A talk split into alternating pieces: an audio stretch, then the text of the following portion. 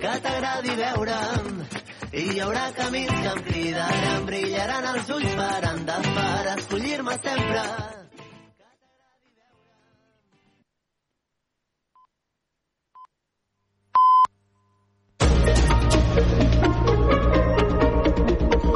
Notícies en xarxa.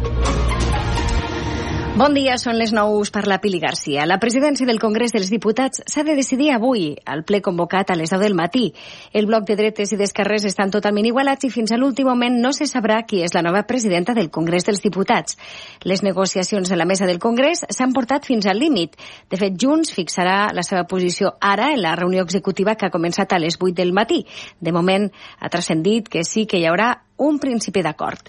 Els set diputats de Junt, així, així com la coalició canària, tindran la clau per fer decantar la balança cap a Francina Armengol, que és la proposta del PSOE, o cap a Cuca Gamarra, la proposta del PP, que hi arriben sense els vots garantits.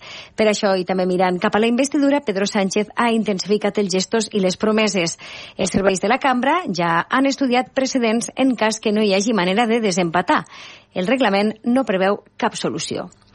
I Catalunya commemora aquest dijous i divendres el sisè aniversari dels atemptats del 17 d'agost de 2017 a Barcelona i Cambrils, en els que van morir 16 persones i centenars van resultar ferides.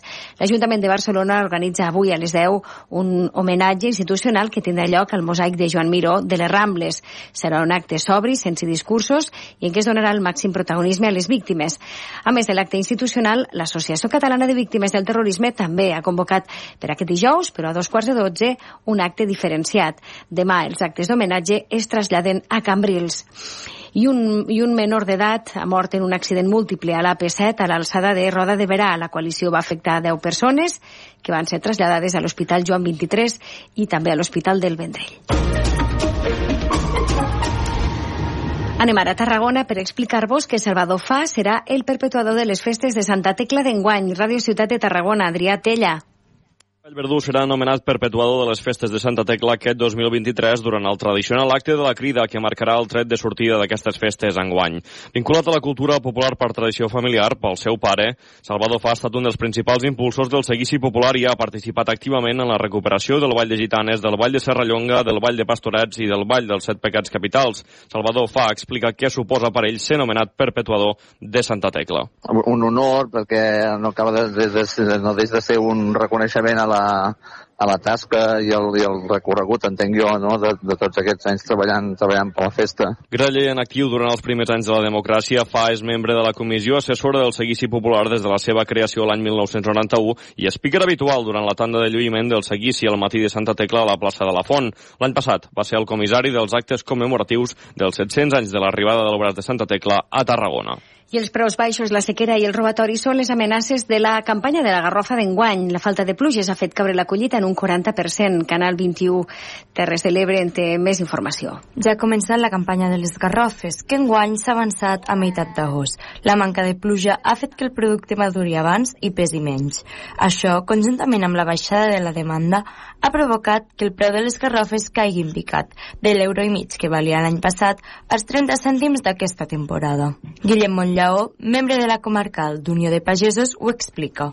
El preu enguany ha, ha, ha caigut en picat de, de l'any passat. L'any passat vam tindre preus d'euro de, i mig, uns preus excepcionals. Que no. I, i enguany s'espera, o es creu que, que pot obrir a, a 30-40 cèntims. Les d'Esquadra i Administració han fet front comú amb mesures per reduir els furts. Els pagesos esperen que el mercat s'estabilitzi i retorni la demanda dels passats anys. I fins aquí les notícies en xarxa.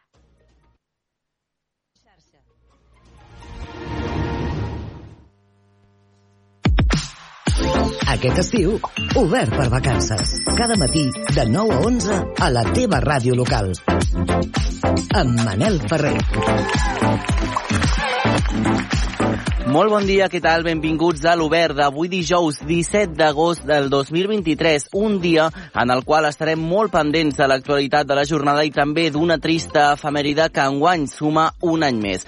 Francina Armengol o Cuca Gamarra, PSOE o Partit Popular, a les 10 del matí han de començar les sessions plenàries de Constitució de les dues majors cambres a l'Estat. Avui s'ha de constituir el nou Congrés i també el Senat, que seran al fi d'unes setmanes de tenses negociacions i que venen també després després d'uns resultats electorals i que per res donaven una àmplia majoria a ningú dels partits cridats a presidir, si més no, al Congrés.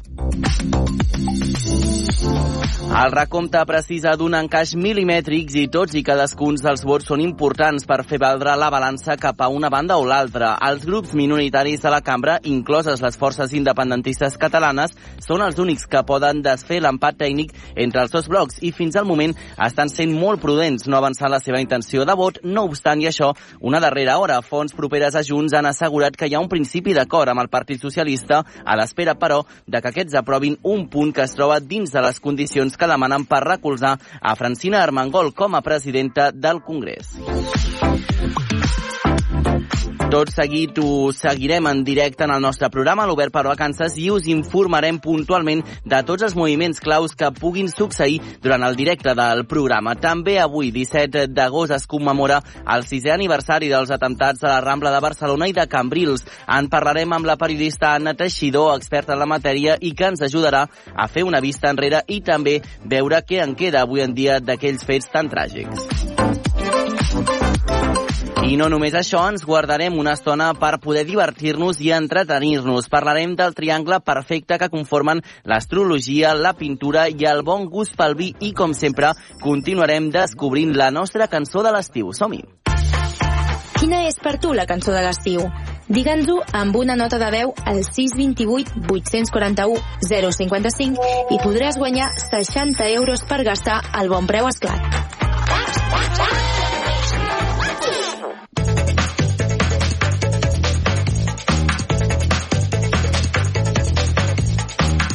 9 i 6 del matí estem en directe a la teva ràdio local, això és l'Obert per Vacances, i ara és el moment d'anar cap a Vic per tornar a saludar el nostre company Eudal Puig del 9 FM i descobrir on es troba avui. Bon dia, Eudal, com estàs?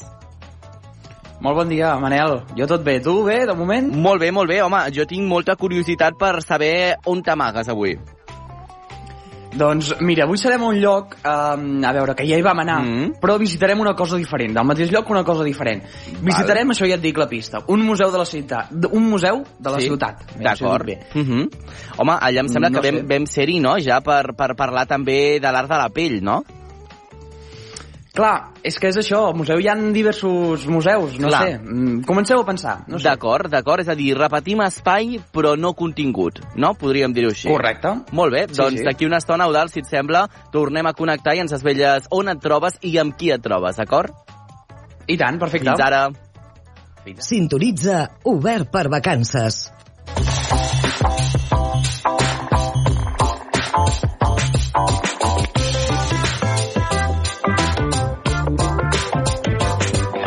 Avui es compleixen 6 anys dels atemptats del 17 d'agost a la Rambla de Barcelona i també a Cambrils. Ens proposem fer una mirada enrere i recordar aquells fets amb l'ajuda de la periodista Anna Teixidor, autora del llibre Sense por a morir, els silencis del 17 d'agost. Ella és periodista de TV3 i professora del màster en prevenció de la radicalització de la Universitat de Barcelona. Benvinguda, Anna, com estàs? Hola, bon dia, Manel. Gràcies per passar avui per l'Obert per vacances. La primera pregunta que et faig, han passat sis anys, com deia en aquesta introducció, eh, sabem ja o ja indicis de per què va passar a Barcelona i després a Cambrils? Té alguna lògica que s'escollís eh, la ciutat de Barcelona? Bé, jo, mira, jo recordo, a vegades ho he explicat, que em trobava amb una font policial i em deia, avui queda un dia menys, no? I jo li preguntava un dia menys per què? Doncs em deia, per un atemptat a Barcelona, perquè tot l'aparell propagandístic d'estat islàmic en aquell moment era important, que s'havia proclamat eh, autodenominat el, el califat a, a la guerra de Síria i l'Iraq, doncs apuntaven directament a Barcelona, no? Per tant, sí que sabíem el 2017 que en un moment o altre es produiria un atac a, a la ciutat. Uh -huh. Amb això que ens deies, eh, jo crec que sempre és un bon moment per fer una autocrítica. No sé si aquest atemptat, eh, tenint en compte que Barcelona és una ciutat tan gran, que hi passen tants turistes durant l'estiu, eh, ens va pillar per sorpresa o es podia haver previngut d'alguna manera el que va passar? Què en penses tu? Sí, el gran problema és que preveure un atemptat és molt difícil, mm. perquè no saps ni a quin lloc ni en quin moment es produirà. Per tant, el risc zero no existeix. En aquell moment estàvem amb un 4 sobre 5 d'amenaça terrorista, però és que ara actualment, a dia d'avui, estem en la mateixa intensitat d'amenaça, eh, en, en el fet de que un atemptat és molt probable ara mateix a Catalunya i a la resta de l'estat espanyol perquè no s'ha modificat aquesta amenaça. Per tant, malauradament no podem tenir indicis, però és molt difícil preveure. I mm, quan s'han previst atemptats, en algunes ocasions no hem ni sabut, perquè això ja forma part de, de la intel·ligència policial i de no alterar eh, la tranquil·litat de, de la ciutadania, no? I per tant, el, el, el més rellevant és que nosaltres no sapiguem que s'han previngut aquestes amenaces i que s'han neutralitzat prèviament. El que passa que amb l'atemptat del 17A, per molt que penséssim que en un moment o altre hi hauria un atemptat, no per això va ser menys traumàtic. Clar. Uh, de fet, uh, explicàvem també que ets professora del màster de prevenció de la radicalització de la Universitat de Barcelona. Uh, del 2017 al dia d'avui s'han millorat i reforçat també els sistemes de detecció de la radicalització. S'hi ha treballat, s'ha treballat amb, amb protocols de prevenció a l'escola, a les presons, uh Mhm. -huh. també a través de serveis socials. El que passa és que potser no s'hi han dedicat prou recursos. Eh, també va passar en aquell moment que tot l'1 d'octubre i el procés va fer que de seguida giréssim de pantalla, no? Ja no ens en recordéssim massa de la de l'amenaça jihadista perquè el, el país ha viscut no? amb tots els fets del, del procés, amb la detenció del govern, amb els que van marxar fora del país i, i per tant ha estat un tema que al final eh, jo crec que ha anat quedant residual i que no s'hi han dedicat els esforços eh, que s'haurien d'haver fet. Sí que és veritat que els Mossos avaluen l'amenaça, que van amb una taula de coordinació, que estan treballant amb les escoles, amb serveis socials, amb presons, per neutralitzar processos de radicalització. El que passa que són processos difícils de detectar i que un cop detectats eh, també és molt difícil aconseguir que una persona, eh, més que es desradicalitzi, que ja hem vist que això no és possible, que es desenganxi no, d'aquests processos. Per tant, és una tasca complexa. Uh -huh. eh, de fet, eh, parlàvem d'aquesta detecció de la radicalització, ens deies que és eh, molt complicat, és una tasca molt complexa, entenc també perquè les persones que hi formen part o que estan eh, cridades a formar-ne part eh, no ho fan públic, no? És molt difícil també de detectar per aquesta banda. Sí, hi ha un canvi de tendència. Mira, jo el 2014 eh, recordo que amb un company, amb Marc Faro, vam començar a treballar a les xarxes socials per conèixer gent que se'n volgués anar a la guerra de Síria i d'Iraq i que eh, exposaven públicament a les xarxes socials, al Facebook, per exemple, doncs, que estaven donant suport a estat islàmic. Eh, a més a més, ens anàvem en alguns barris eh, d'algunes poblacions de Catalunya i allà vam poder interactuar amb persones que se'n volien anar a la guerra de Síria físicament, o sigui, cara a cara, però també sí. a través de les xarxes socials i en aquell moment s'expressava, tant homes com dones expressaven el seu desig per afegir-se al califat. Uh, després va haver unes operacions policials i al llarg del 2014, 15, 16 la gent va deixar doncs, de, de, de verbalitzar això públicament i només dir-ho en cercles molt restringits i per tant hi, ha hagut, hi va haver-hi un canvi no? de, de la manera de verbalitzar-ho uh, uh, també uh, el, el que podem dir és que sí. després de la pèrdua del, del califat també hi ha hagut molta gent decebuda Clar. perquè es pensaven que realment allà hi havia eh, una societat eh, basada en la xaria i que per tant molt estricta i molt rigorosa i alguns musulmans una minoria, eh, uh -huh. eh estaven doncs convençuts i decidits a anar-hi i llavors van veure que, que van perdre la guerra i que per tant allò va ser una decepció i molts es van sentir enganyats i alguns han pogut tornar i els altres encara estan a la zona de conflicte. Uh -huh. uh, parlàvem també d'aquesta seguretat, d'aquesta prevenció, ens explicaves no, al principi uh, doncs, d'aquest policia que et deia falta un dia menys uh, perquè va ser alguna cosa uh, com la que va passar a Barcelona. També després d'aquells atemptats hem après i s'han millorat també i la prevenció i la seguretat que té Espanya i Catalunya envers a una situació que pot haver com, com un atemptat. Eh, també s'han reforçat el, aquests operatius i aquests sistemes de seguretat? S'ha intentat millorar la coordinació perquè veníem de molts mínims, les coordinacions entre cossos policials.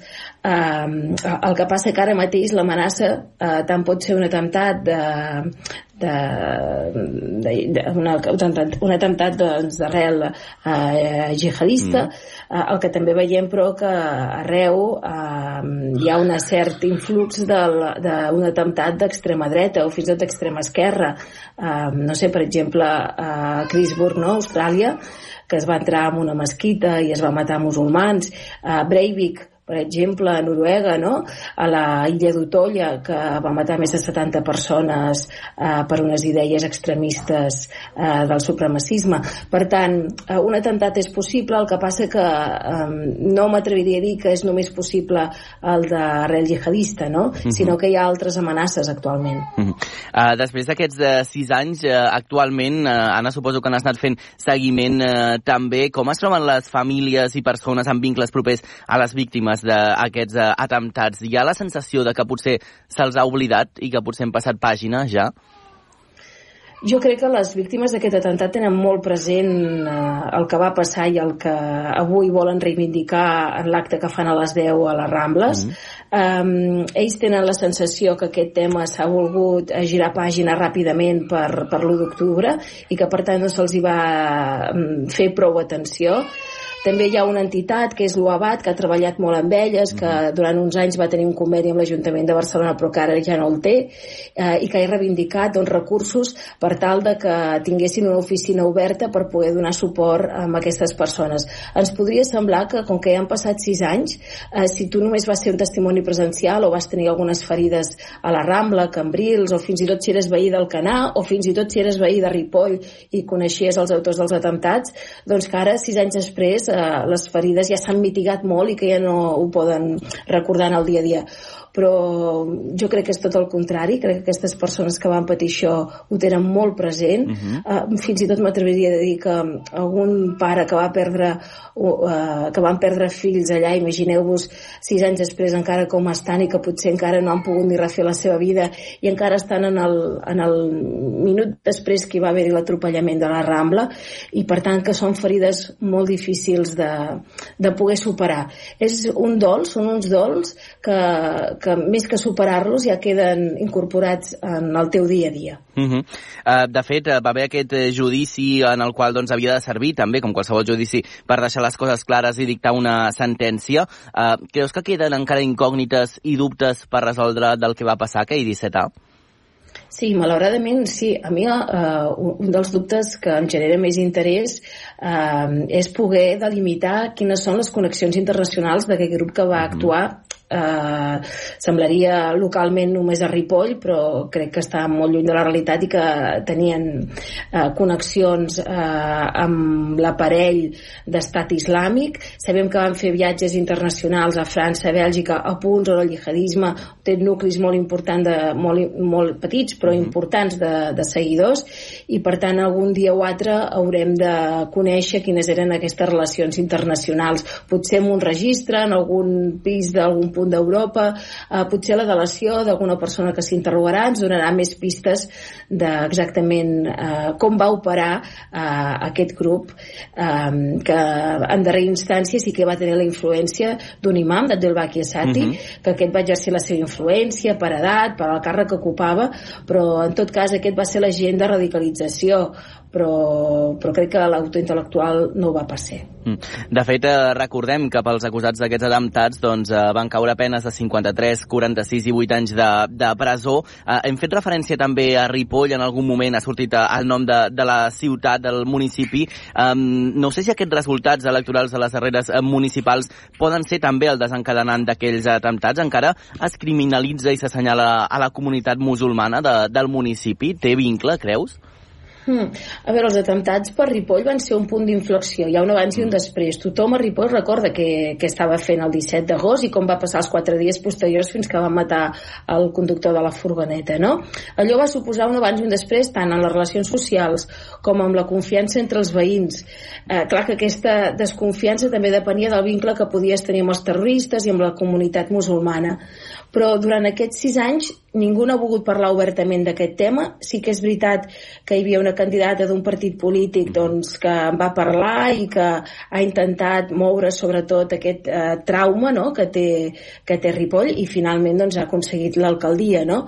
Uh, llavors, uh, aquest tema havia quedat com un tema tabú que no se'n volia parlar. Sí que és veritat que aquest sector doncs, de la població uh, està tiant molt el trauma, però també hi ha molt de cansament. Mm. Un cansament provocat pels mitjans de comunicació, però també perquè no s'ha acabat de donar sortida al procés emo emocional, no? El trauma, potser no s'ha sabut gestionar, no ha quedat resolt. I, clar, durant aquests anys també us haig de dir que era difícil parlar-ne, que per la gent era un tabú i no volien abordar el tema. La comunitat musulmana mm, ho ha viscut en molts clars i obscurs, Uh, és veritat que uh, els oratoris, les associacions musulmanes ja no volen parlar del tema, ja no volen atendre els mitjans de comunicació perquè creuen que d'alguna manera així si eviten parlar-ne doncs el problema ja no existeix, mm -hmm. encara que crec que s'equivoquen, i tampoc no s'ha fet gaire autocrítica pública, no? Um, les professionals de Ripoll, els educadors socials que havien tractat amb joves que estaven a primera línia, la majoria han abandonat les feines, es dediquen a altres àmbits, mm -hmm. i, i d'alguna alguna manera no hi havia experiències prèvies en una població tan petita d'11.000 habitants de com gestionar aquest impacte emocional. Doncs avui a 17A hem recordat també aquests atemptats eh, amb l'Anna Teixidor, autora del llibre Sense por a morir els silencis del 17A. Gràcies per passar avui per l'Obert per Vacances i dedicar-nos aquests minuts, Anna. Moltes gràcies, Manel. Una abraçada. Que vagi molt ben abraçada. Fins la propera. El 17 d'agost, com dèiem, de fa uns anys, es va fer el silenci. Els fets que havien passat poc després de les 4 al centre de Barcelona eren difícils d'explicar i el que ho feien ho recorden per tota la vida. Nil Marvà, periodista en aquell moment de Ràdio Sant Cebrià, n'és ben conscient. La Gemma Ponce, de Premià Mèdia, ha parlat amb ell. Han passat sis anys des que el Ning Marvà, que en aquell moment treballava al programa Una Maresma, es va trobar enmig d'una plaça de Catalunya buida, minuts després que la furgoneta blanca s'hagués aturat. Va ser mitja hora de, de molts dubtes, de, de por, de no saber exactament què estava passant, fins i tot eh, fins al cap d'una estona no, no vam saber que era un atemptat i no va ser llavors quan ja fas el gest de dir hem d'explicar això, està passant alguna cosa. I la cobertura va ser senzilla en el sentit que l'únic que havia de fer és explicar allò que estava veient. A, en un primer moment eh, no era conscient de, de la tragèdia i després estàs tan posat amb el que està passant que se t'oblida tot. En aquell moment el Nil es va oblidar de tot, però aquests fets l'han marcat. El passat mes de maig el periodista va recollir el Premi Ondas pel seu podcast El silenci de la Rambla, una idea que era més aviat una necessitat. I tenia la necessitat de dir val, allò és l'impacte, no? L'atemptat és l'impacte que se'ns va quedar tots el 2017, però això ha marcat a moltíssimes persones, a centenars de víctimes. Com està no, tota aquesta gent cinc anys després? Avui els atemptats del 17 d'agost a la Rambla i a Cambrils sumen un any més a la memòria de tots. A les 10 del matí hi haurà l'homenatge institucional al mosaic de Joan Miró i demà els actes es traslladaran a Cambrils. Moltes gràcies, Gemma. I un acte terrorista posa la por al cos a milions de persones i, com va ser el cas de Barcelona, afecta a tota una ciutat i, és més, a tot un país. Però moltes vegades passa desapercebut. Les víctimes d'un atemptat no són només qui malauradament ha mort o ha estat ferit. Sovint queden oblidades les persones que han viscut el terror de primera mà però que han de conviure per sempre amb el dolor i el record d'haver presenciat un atac terrorista. Per això, avui a l'Obert per Vacances us portem el testimoni d'en Joan Colomina, Rambles, una de les persones víctimes de l'atemptat a les Rambles que afortunadament va sobreviure i pot explicar de primera mà el terror. Ens ho explica en Víctor Córdoba de Cugat Mèdia. En Joan Colomines, un barceloní de 14 anys, es trobava pels voltants de la Rambla passant la tarda amb la seva família. Sortia de tallar-se el cabell i just anava a buscar el seu pare, quan de cop...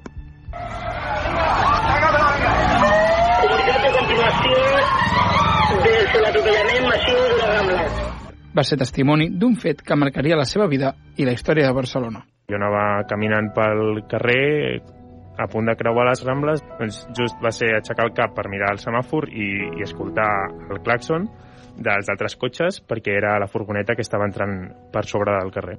Clar, jo el primer que penso és claxons, deu haver-hi algun accident, però recordo sobretot l'impacte inicial quan, quan comença a atropellar la gent perquè, clar, va ser mig segon, un segon que vaig trigar en reaccionar i ja vaig girar-me i vaig començar a córrer. Jo, una de les imatges que em va quedar durant més temps era veure gent volant a les alçades dels semàfors.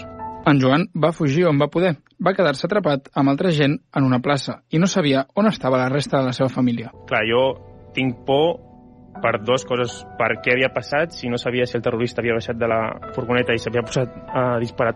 I també, evidentment, tenia molta por pel meu pare. O sigui, era aquesta doble por que no sabia ni com gestionar-la i, i més sent encara un noi de 14 anys. Malgrat haver estat a escassos metres de la furgoneta i haver estat enmig de tot el caos de l'atemptat, van aconseguir retrobar-se amb la seva família sense estalvis.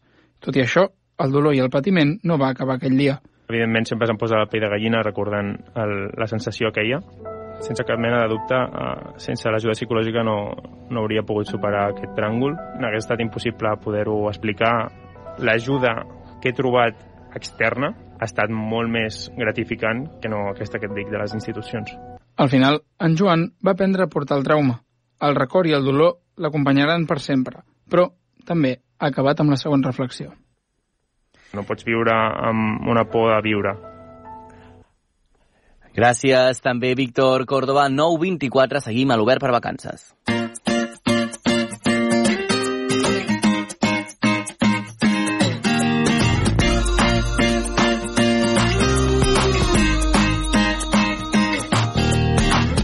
El projecte Polar Change és una de les expedicions científiques que ha promogut l'Institut de Ciències al Mar que depèn del Consejo Superior de Investigaciones Científiques, un viatge a l'Antàrtida que buscava investigar les fonts, la composició i la dinàmica dels aerosols en hàbits àrtics i antàrtics, tot plegat a bord del vaixell Hesperides des dels mitjans de febrer i fins a finals de març, aprofitant l'estiu antàrtic. I dins de l'equip científic de l'expedició, formant per una trentena de persones hi havia la doctora en Biologia Magda Vila, veïna de la Garriga, que treballa al grup d'Ecologia del Plàncton i Salut dels Oceans de l'Institut de Ciències del Mar i que s'ha especialitzat en ecologia de microlagunes marines. Magda Vila, avui parlem amb ella i ja està també acompanyada del nostre company de Ràdio a Silenci, Eduard Mas. Com estàs? Molt bé, bon dia. Bon dia, Magda, gràcies per acompanyar-nos. Hola, bon dia, gràcies a vosaltres. Doncs eh, anem a entrar en matèria perquè amb les calorades d'aquests dies eh, no sé si ja te'n penedeixes de no haver-te quedat uns mesos més al Pol Sud, Magda. Home, allà sí estava bé, perquè era l'estiu antàrtic. Ara em sembla que serien les condicions molt crues, eh? La veritat és que si em vas triar per l'un o per l'altre, no sé què és pitjor en aquest moment. Molt de fred, eh? Tu de ben jove eh, ja volies ser biòloga marina.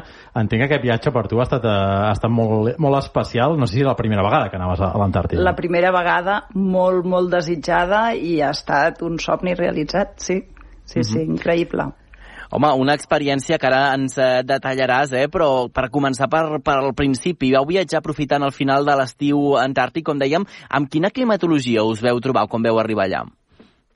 Bé, a veure, uh, la veritat és que va ser un estiu uh, prou bo, és mm. a dir, uh, vam agafar algun temporal, però només puntuals, i vam tenir força dies de sol, fins i, bueno, sobretot al final. El, els últims dies era una cosa increïble, que dèiem, és que no ho entenem, perquè anàvem enllaçant dies de bon temps i deien és que això és la primera vegada que ens passa. Inclús la tornada, la tornada la fèiem amb avió fins a Punta Arenes i ens van dir heu de preveure tres dies perquè normalment com que van passar en fronts a la primera no pot sortir l'avió. I llavors hem de preveure tres dies d'estar allà i a veure quan pot sortir. I ens van dir, érem dels finals de el, els últims equips de les d'aquest estiu de campanyes que es feien a, a l'Antàrtida i van dir, sou els primers que heu sortit quan tocava. Tots els altres es van haver d'enterrar-hi. Sí, sí hem fet uh, quatre pinzellades a l'inici, però explica'ns en què consistia exactament aquesta expedició de fa uns tres mesos a, a l'Antàrtida. Bé, doncs, com heu comentat, és uh, el que s'estudia, com diu una companya que estava uh, amb nosaltres, que està fent la tesi, i que m'agradava molt com ho explicava ella, no? diu, estem estudiant el diàleg entre l'oceà i l'atmosfera, no? això ho deia la Caral, i deia eh, els organismes del plàncton, els que estan en l'aigua, eh, deixen anar unes partícules eh, en l'aire que són els aerosols marins i estableixen com un diàleg, no? I aquests aerosols, depèn de quina composició tinguin, tindran unes propietats químiques o una altra i et permetrà que formin núvols d'una mena o núvols d'una altra. I això és el que s'anava a estudiar, amb un equip multidisciplinar. Uh -huh. sí. Magda, quines eren les hipòtesis inicials eh, que vosaltres ens portàveu més o menys previstes i què us està mostrant després les dades que veu poder portar d'allà cap aquí, cap a Catalunya? Bé, eh, bueno, la hipòtesi és aquesta, no? És veure eh, en aquesta situació de canvi climàtic, amb molt més de gel del que és habitual, com mm. aquest de gel està contribuint en aquest, eh, en aquest diàleg entre l'oceà i l'atmosfera i si això representen canvis. Uh, en quant a dades, la veritat és que encara no tenim massa resultats. Heu de pensar que nosaltres vam tornar a finals de març, però uh, el barco torna amb totes les mostres i no van arribar uh, fins a finals de maig. Llavors, ara és el moment de que ens comencem ja, estem processant mostres, uh -huh. encara no hem fet cap reunió de tot l'equip de projecte perquè tots estem processant i és, és lent, és lent. Es van processar algunes mostres puntuals allà perquè eren mesures en directe de, de l'aire, diguem-ne, del, dels químics de l'aire, però amb el que treballo concretament jo, que són mostres del microscopi, que treballo amb microalgues, volia aprofitar per comentar que sí. treballo amb microalgues, no microllacunes, que has uh -huh. comentat, Sí.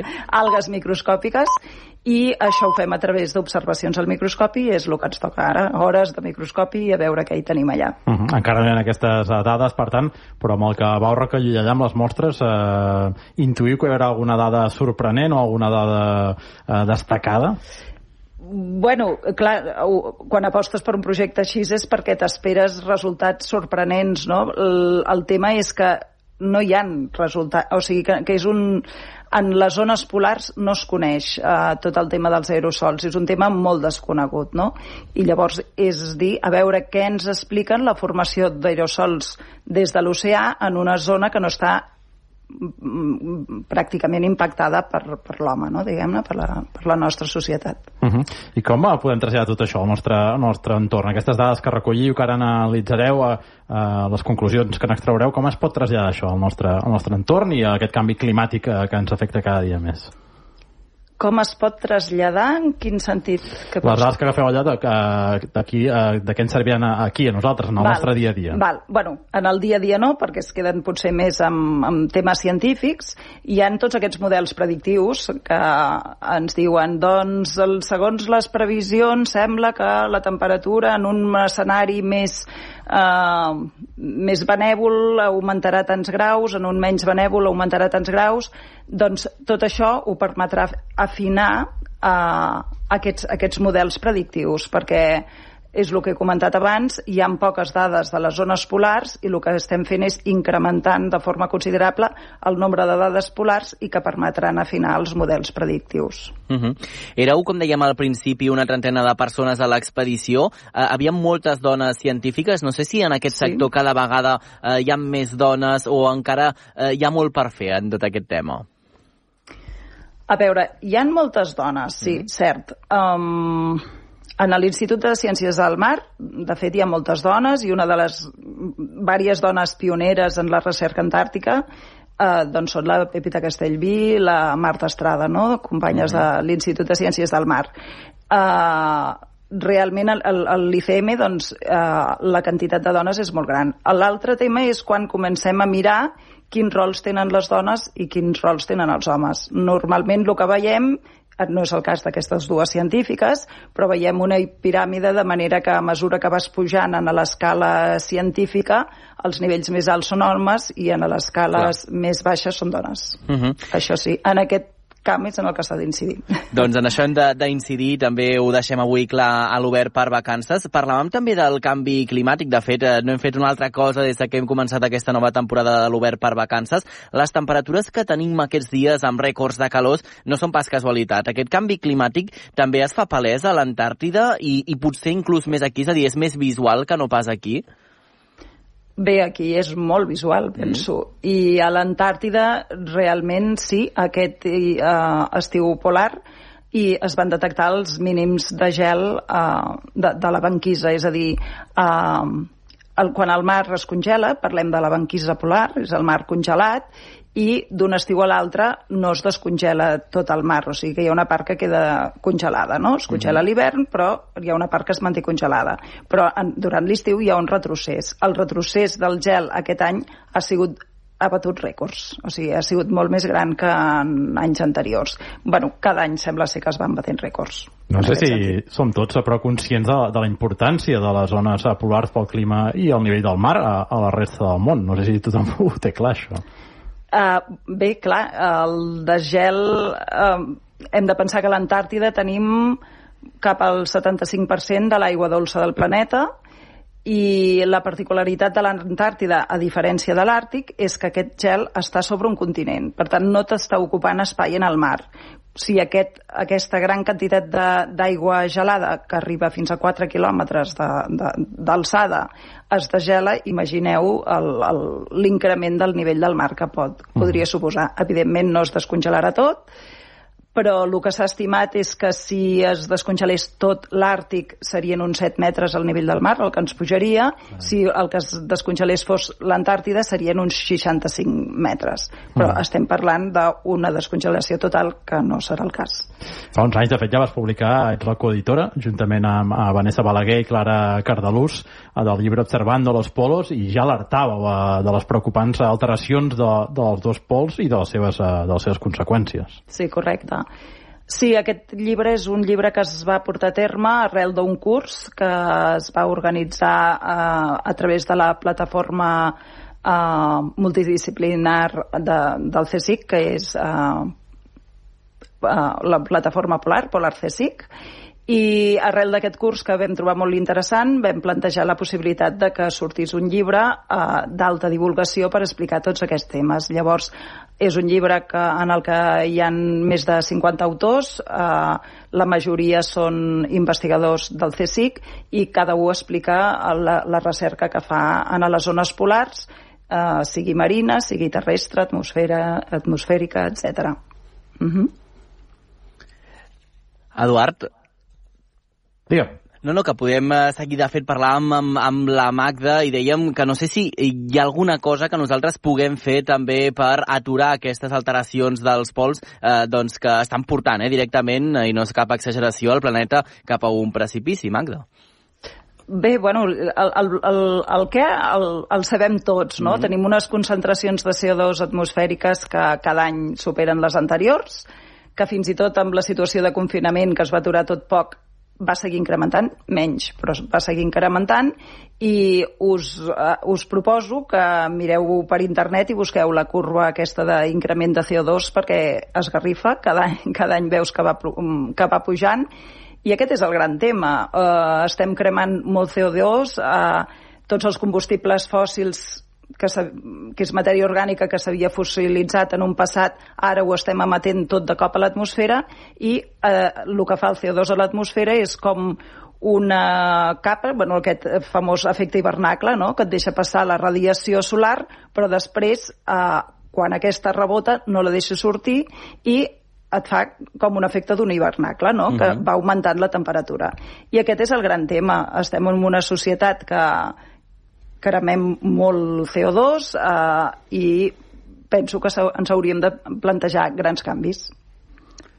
Doncs és eh, importantíssim també plantejar-nos aquests eh, canvis i, i veure també justament doncs, eh, això, no, Magda, que també nosaltres com a societat veiem que l'estiu cada cop és més llarg, no? tenim eh, menys sí. dies, menys setmanes, menys mesos de, de fred, no? i això vol dir que alguna cosa no, no estem fent bé, clarament.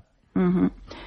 Uh, sí, uh, no, no només és uh, això, aquest increment de la temperatura, també són els fenòmens extrems, no?, que es diu, cada vegada hi ha temporals més forts, veiem que la meteorologia ha canviat molt, ara tenim aquestes pedregades que, que no teníem, tots aquests llamps, uh, són aquests fenòmens extrems, estem afectant d'alguna forma la interacció entre l'oceà i l'atmosfera, de manera que que, que no coneixem el que pot passar, no? Mm. perquè, perquè estem canviant els engranatges d'un sistema que funcionava i, i estan entrant nous paràmetres i et canvia la circulació oceànica, la circulació atmosfèrica i això està acoplat doncs, a la producció dels oceans també. No? Hi ha una gran preocupació de què passarà amb, amb, amb les zones més productives que ara conèixer, que es coneixen i que és on es va fer la pesca, per exemple, això segurament que canviarà. Però hi ha una gran incertesa, no? Doncs eh, veurem també com ha resolt també i si aconseguim d'alguna manera doncs, poder revertir aquesta situació. Per tant, eh, estarem molt atents i també de veure aquest buidatge de, de dates que fareu en les properes eh, setmanes. Eh, Magda Vila, doctora en Biologia, biòloga marina i membre del grup d'Ecologia del Plàncton i Salut dels Oceans de l'Institut de les Ciències del Mar. Gràcies per passar avui per l'Obert per vacances i fins la propera, que vagi molt bé. Moltes gràcies a vosaltres. I gràcies, Eduard Mas, també per acompanyar-nos en aquesta conversa. Gràcies. Que vagi molt bé. Fins la propera. Obert per vacances amb Manel Ferrer.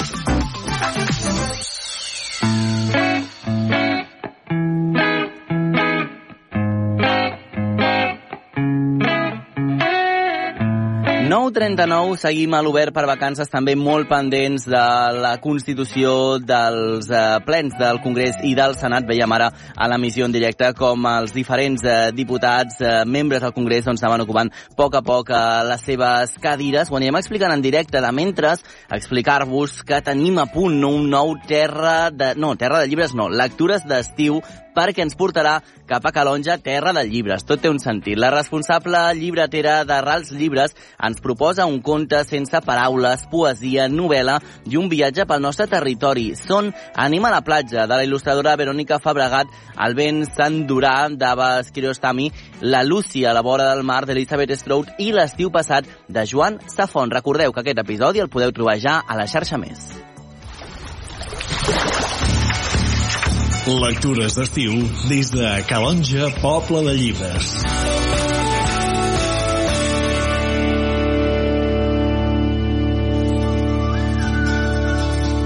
Al desembre de l'any 2021 naixia la primera Booktown de Catalunya, Calonja, Poble de Llibres.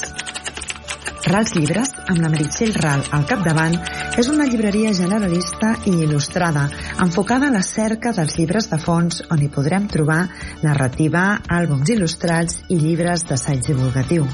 El racó més especial de Rals Llibres és la secció dels relets. Llibres sense paraules, poesia, novel·la i territori són les propostes de la Meritxell. Ens hi posem lectures d'estiu.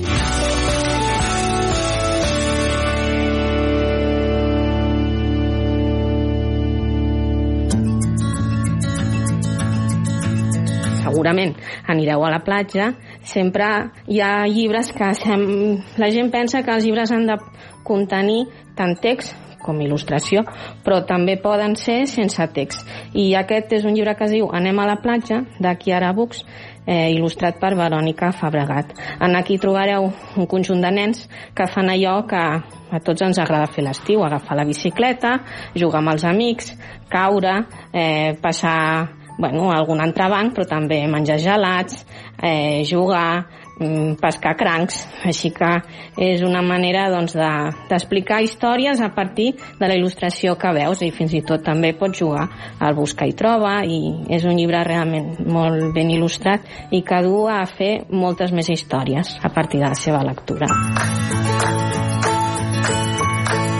A l'estiu també és un bon moment doncs, per conèixer poetes o una mica a vegades no tens tant de temps perquè estàs ocupat eh, amb, amb les teves pròpies excursions i viatges i de tant en tant t'agrada un poema. Doncs Abbas Kiarostami que és un cineasta i bé, realment doncs, va fer moltes coses i entre elles hi ha una selecció de poemes que es diu El vent se m'endurà, que està editat per Carguan, que si no coneixeu editorial, doncs coneixeu-la, perquè estan agafant doncs, autors que realment no coneixem, perquè d'Afganistan i de països que realment no, nosaltres no tenim accés. I són petits poemes, en mode, bueno, semblen com haikus, però contenen tots doncs, un sentit i, i una senzillesa que jo crec que qualsevol persona els hi pot parlar. Escoltem un tast d'aquesta recomanació. He vingut acompanyat del vent el primer dia d'estiu. El vent se m'endurà l'últim dia de tardor. Lectures d'estiu. També hi ha una col·lecció que es poden llegir els llibres per separat de literatura, escrits per l'Elisabeth Strutt, coneguda perquè va tenir el Premi Pulitzer, eh, escriptora d'Olive Kitteridge, que també s'ha fet una sèrie, i aquest últim que ha tret, que es diu La Lúcia a la vora del mar, és un personatge doncs, que ja podem conèixer per altres obres i en el primer que es deia em dic Lucy Barton. Però si el voleu llegir separat, també. Es tracta d'una senyora doncs, que diu les coses tal com són. Explica la relació familiar amb el seu exmarit, les filles, i en aquest cas és el moment en què arriba la pandèmia i li diuen que ha de deixar la seva estimada a Nova York. Encara que el món es pari, la vida continua i els problemes i les alegries doncs també. Sí, escoltem com sona la seva lectura. Com moltes altres persones, no ho vaig veure venir. Però en William és científic i ell ho va veure venir. Ho va veure abans que jo. Això és el que vull dir. I per últim, doncs un llibre doncs, que també ara per l'estiu mm, ve de gust, que és conèixer diversos artistes i escriptors eh, dins la geografia catalana doncs que, que han estat a diferents jocs d'estiuets que, que tant podem anar nosaltres com, com altra gent. Hi ha noms com en Sagarra, Maria Manent, Gabriel Ferreter, mm, llocs com Port Lligat, Berga, i l'escala i realment fa gràcia doncs, perquè veus que aquelles persones que has llegit en llibres doncs, han trepitjat el mateix territori que tu. Allà es diu Joan Safon, l'autor, i el llibre es diu L'estiu passat, una geografia de les vacances d'artistes i escriptors dels països catalans, editat per Coma Negra. Descobrim un tast de lectura d'aquest llibre. Malgrat que és un tòpic dir que l'actualitat mai no descansa, els periodistes sí que fem vacances. Per això, sovint, els diaris, digitals inclosos, obren seccions i pàgines d'estiu. D'alguna manera, estiuegen a la seva manera. Lectures d'estiu.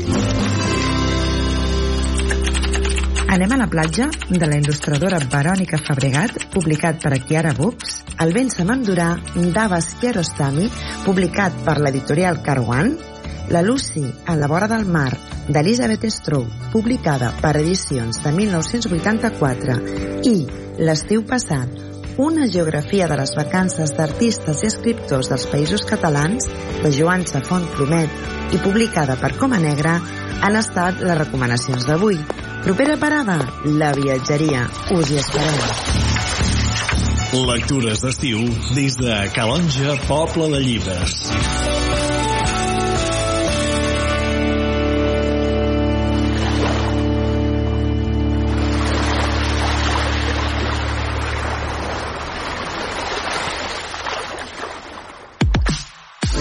Obert per vacances. A la platja, a la muntanya, a la teva ràdio local i també a la xarxa més.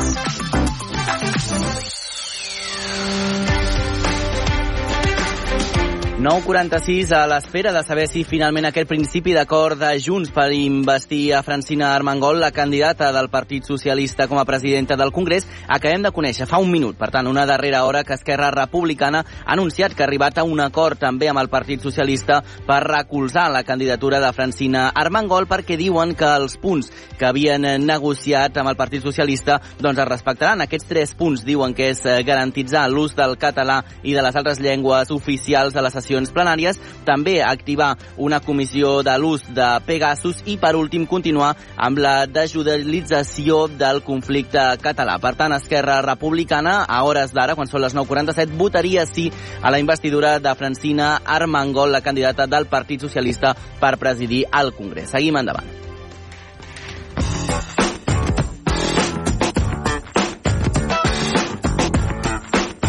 I avui a Històries de Barcelona, per cert, és un podcast que podeu trobar ja a la xarxa Més. Parlarem de la, defensa d'una escola catalana en català.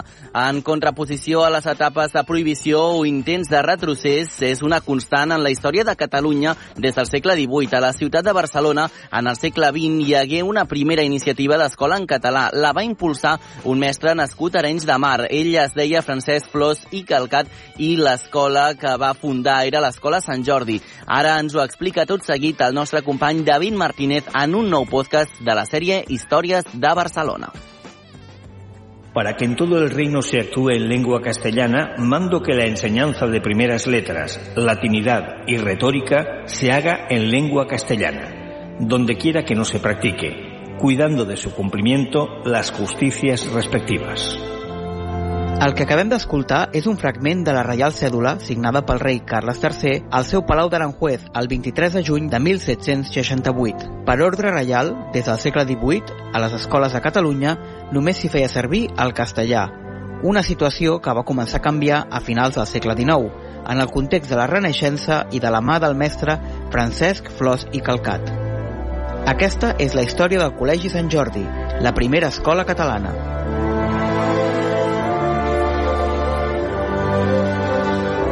Memòries, vestigis i curiositats de la ciutat per David Martínez. Històries de Barcelona.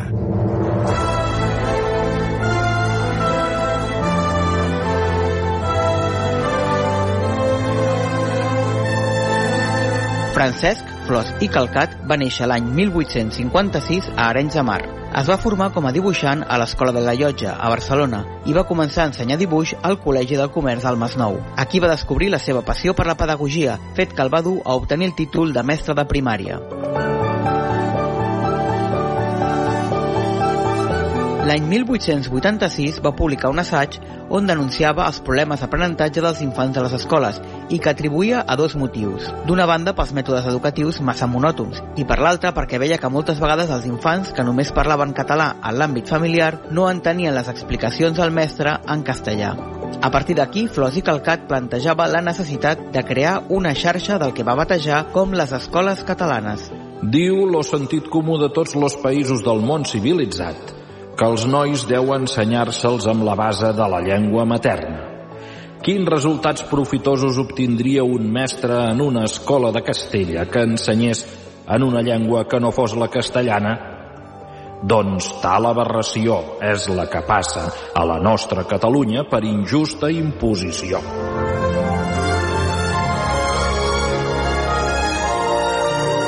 L'1 d'octubre de 1898, Francesc Flors va obrir a Barcelona el Col·legi Sant Jordi, que està considerat la primera escola amb ensenyament en català. El centre estava ubicat, originalment, al pis principal del número 9 del carrer Sant Honorat, molt a prop de la plaça Sant Jaume i just al davant del Palau de la Generalitat. El diari La Renaixença, dirigit per Àngel Guimarà, es feia ressò d'aquella inauguració. Ahir tingué lloc l'obertura de classes en el Col·legi de Sant Jordi, que acaba de fundar nostre amic Francisco Flors i Calcat, entusiasta propagandista de l'ensenyança catalana. La circumstància d'estar inscrits alguns nois que fins ara havien concorregut a escoles on sols hi campeja la parla castellana feu més visible la satisfacció d'aquestos alumnes, ja que notaren en lo professor una paraula més atractiva, més assequible i més familiar, usant-se la llengua catalana com a oficial del col·legi.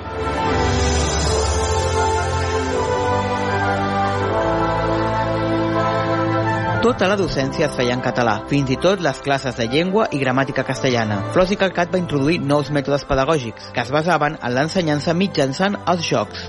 Dins d'aquesta línia més lúdica va introduir també activitats fora de les aules, com les excursions o les visites als museus. Tot plegat pot semblar habitual avui en dia, però era totalment innovador a finals del segle XIX. Les classes al Col·legi Sant Jordi van començar amb només 7 alumnes, dos dels quals eren fills del director, però en el curs següent, l'any 1899, ja s'havien superat els 50 matriculats. Aquell any es va fundar, al mateix edifici, l'Escola Mare de Déu de Montserrat, la primera que ensenyava en català a les noies.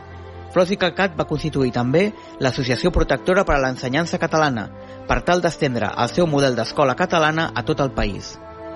Així en parlaven des de les pàgines de l'Atlàntida, la revista impulsada per mossèn Cinto Verdaguer.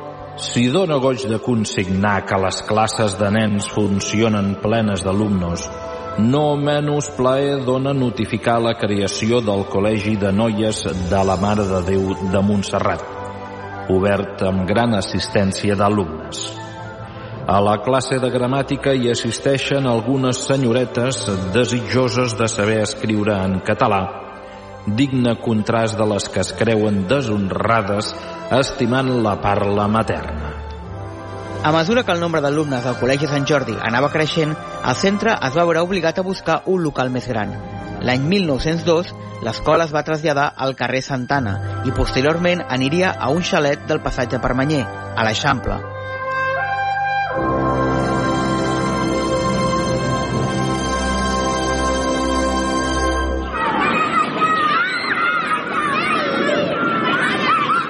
A partir de 1905, Flors i Calcat va decidir portar una part de l'activitat del col·legi a l'aire lliure i va crear la Granja Escolar Catalana, ubicada amb una gran extensió de camps entre el que avui seria l'Hospital Clínic i la plaça Francesc Macià.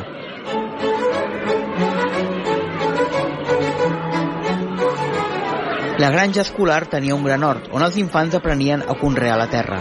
També hi havia un jardí on podien jugar a l'aire lliure i gaudir d'activitats lúdiques com el teatre de Puccinelis o diversos jocs educatius. Per exemple, s'ensenyava geometria amb un joc de construcció de peces gegants que els nens havien de carregar i muntar. I per ensenyar geografia, Flors i Calcat va inventar un curiós joc de frontó que va batejar com l'Universal Trinquet, tal com explicava un article a la veu de Catalunya.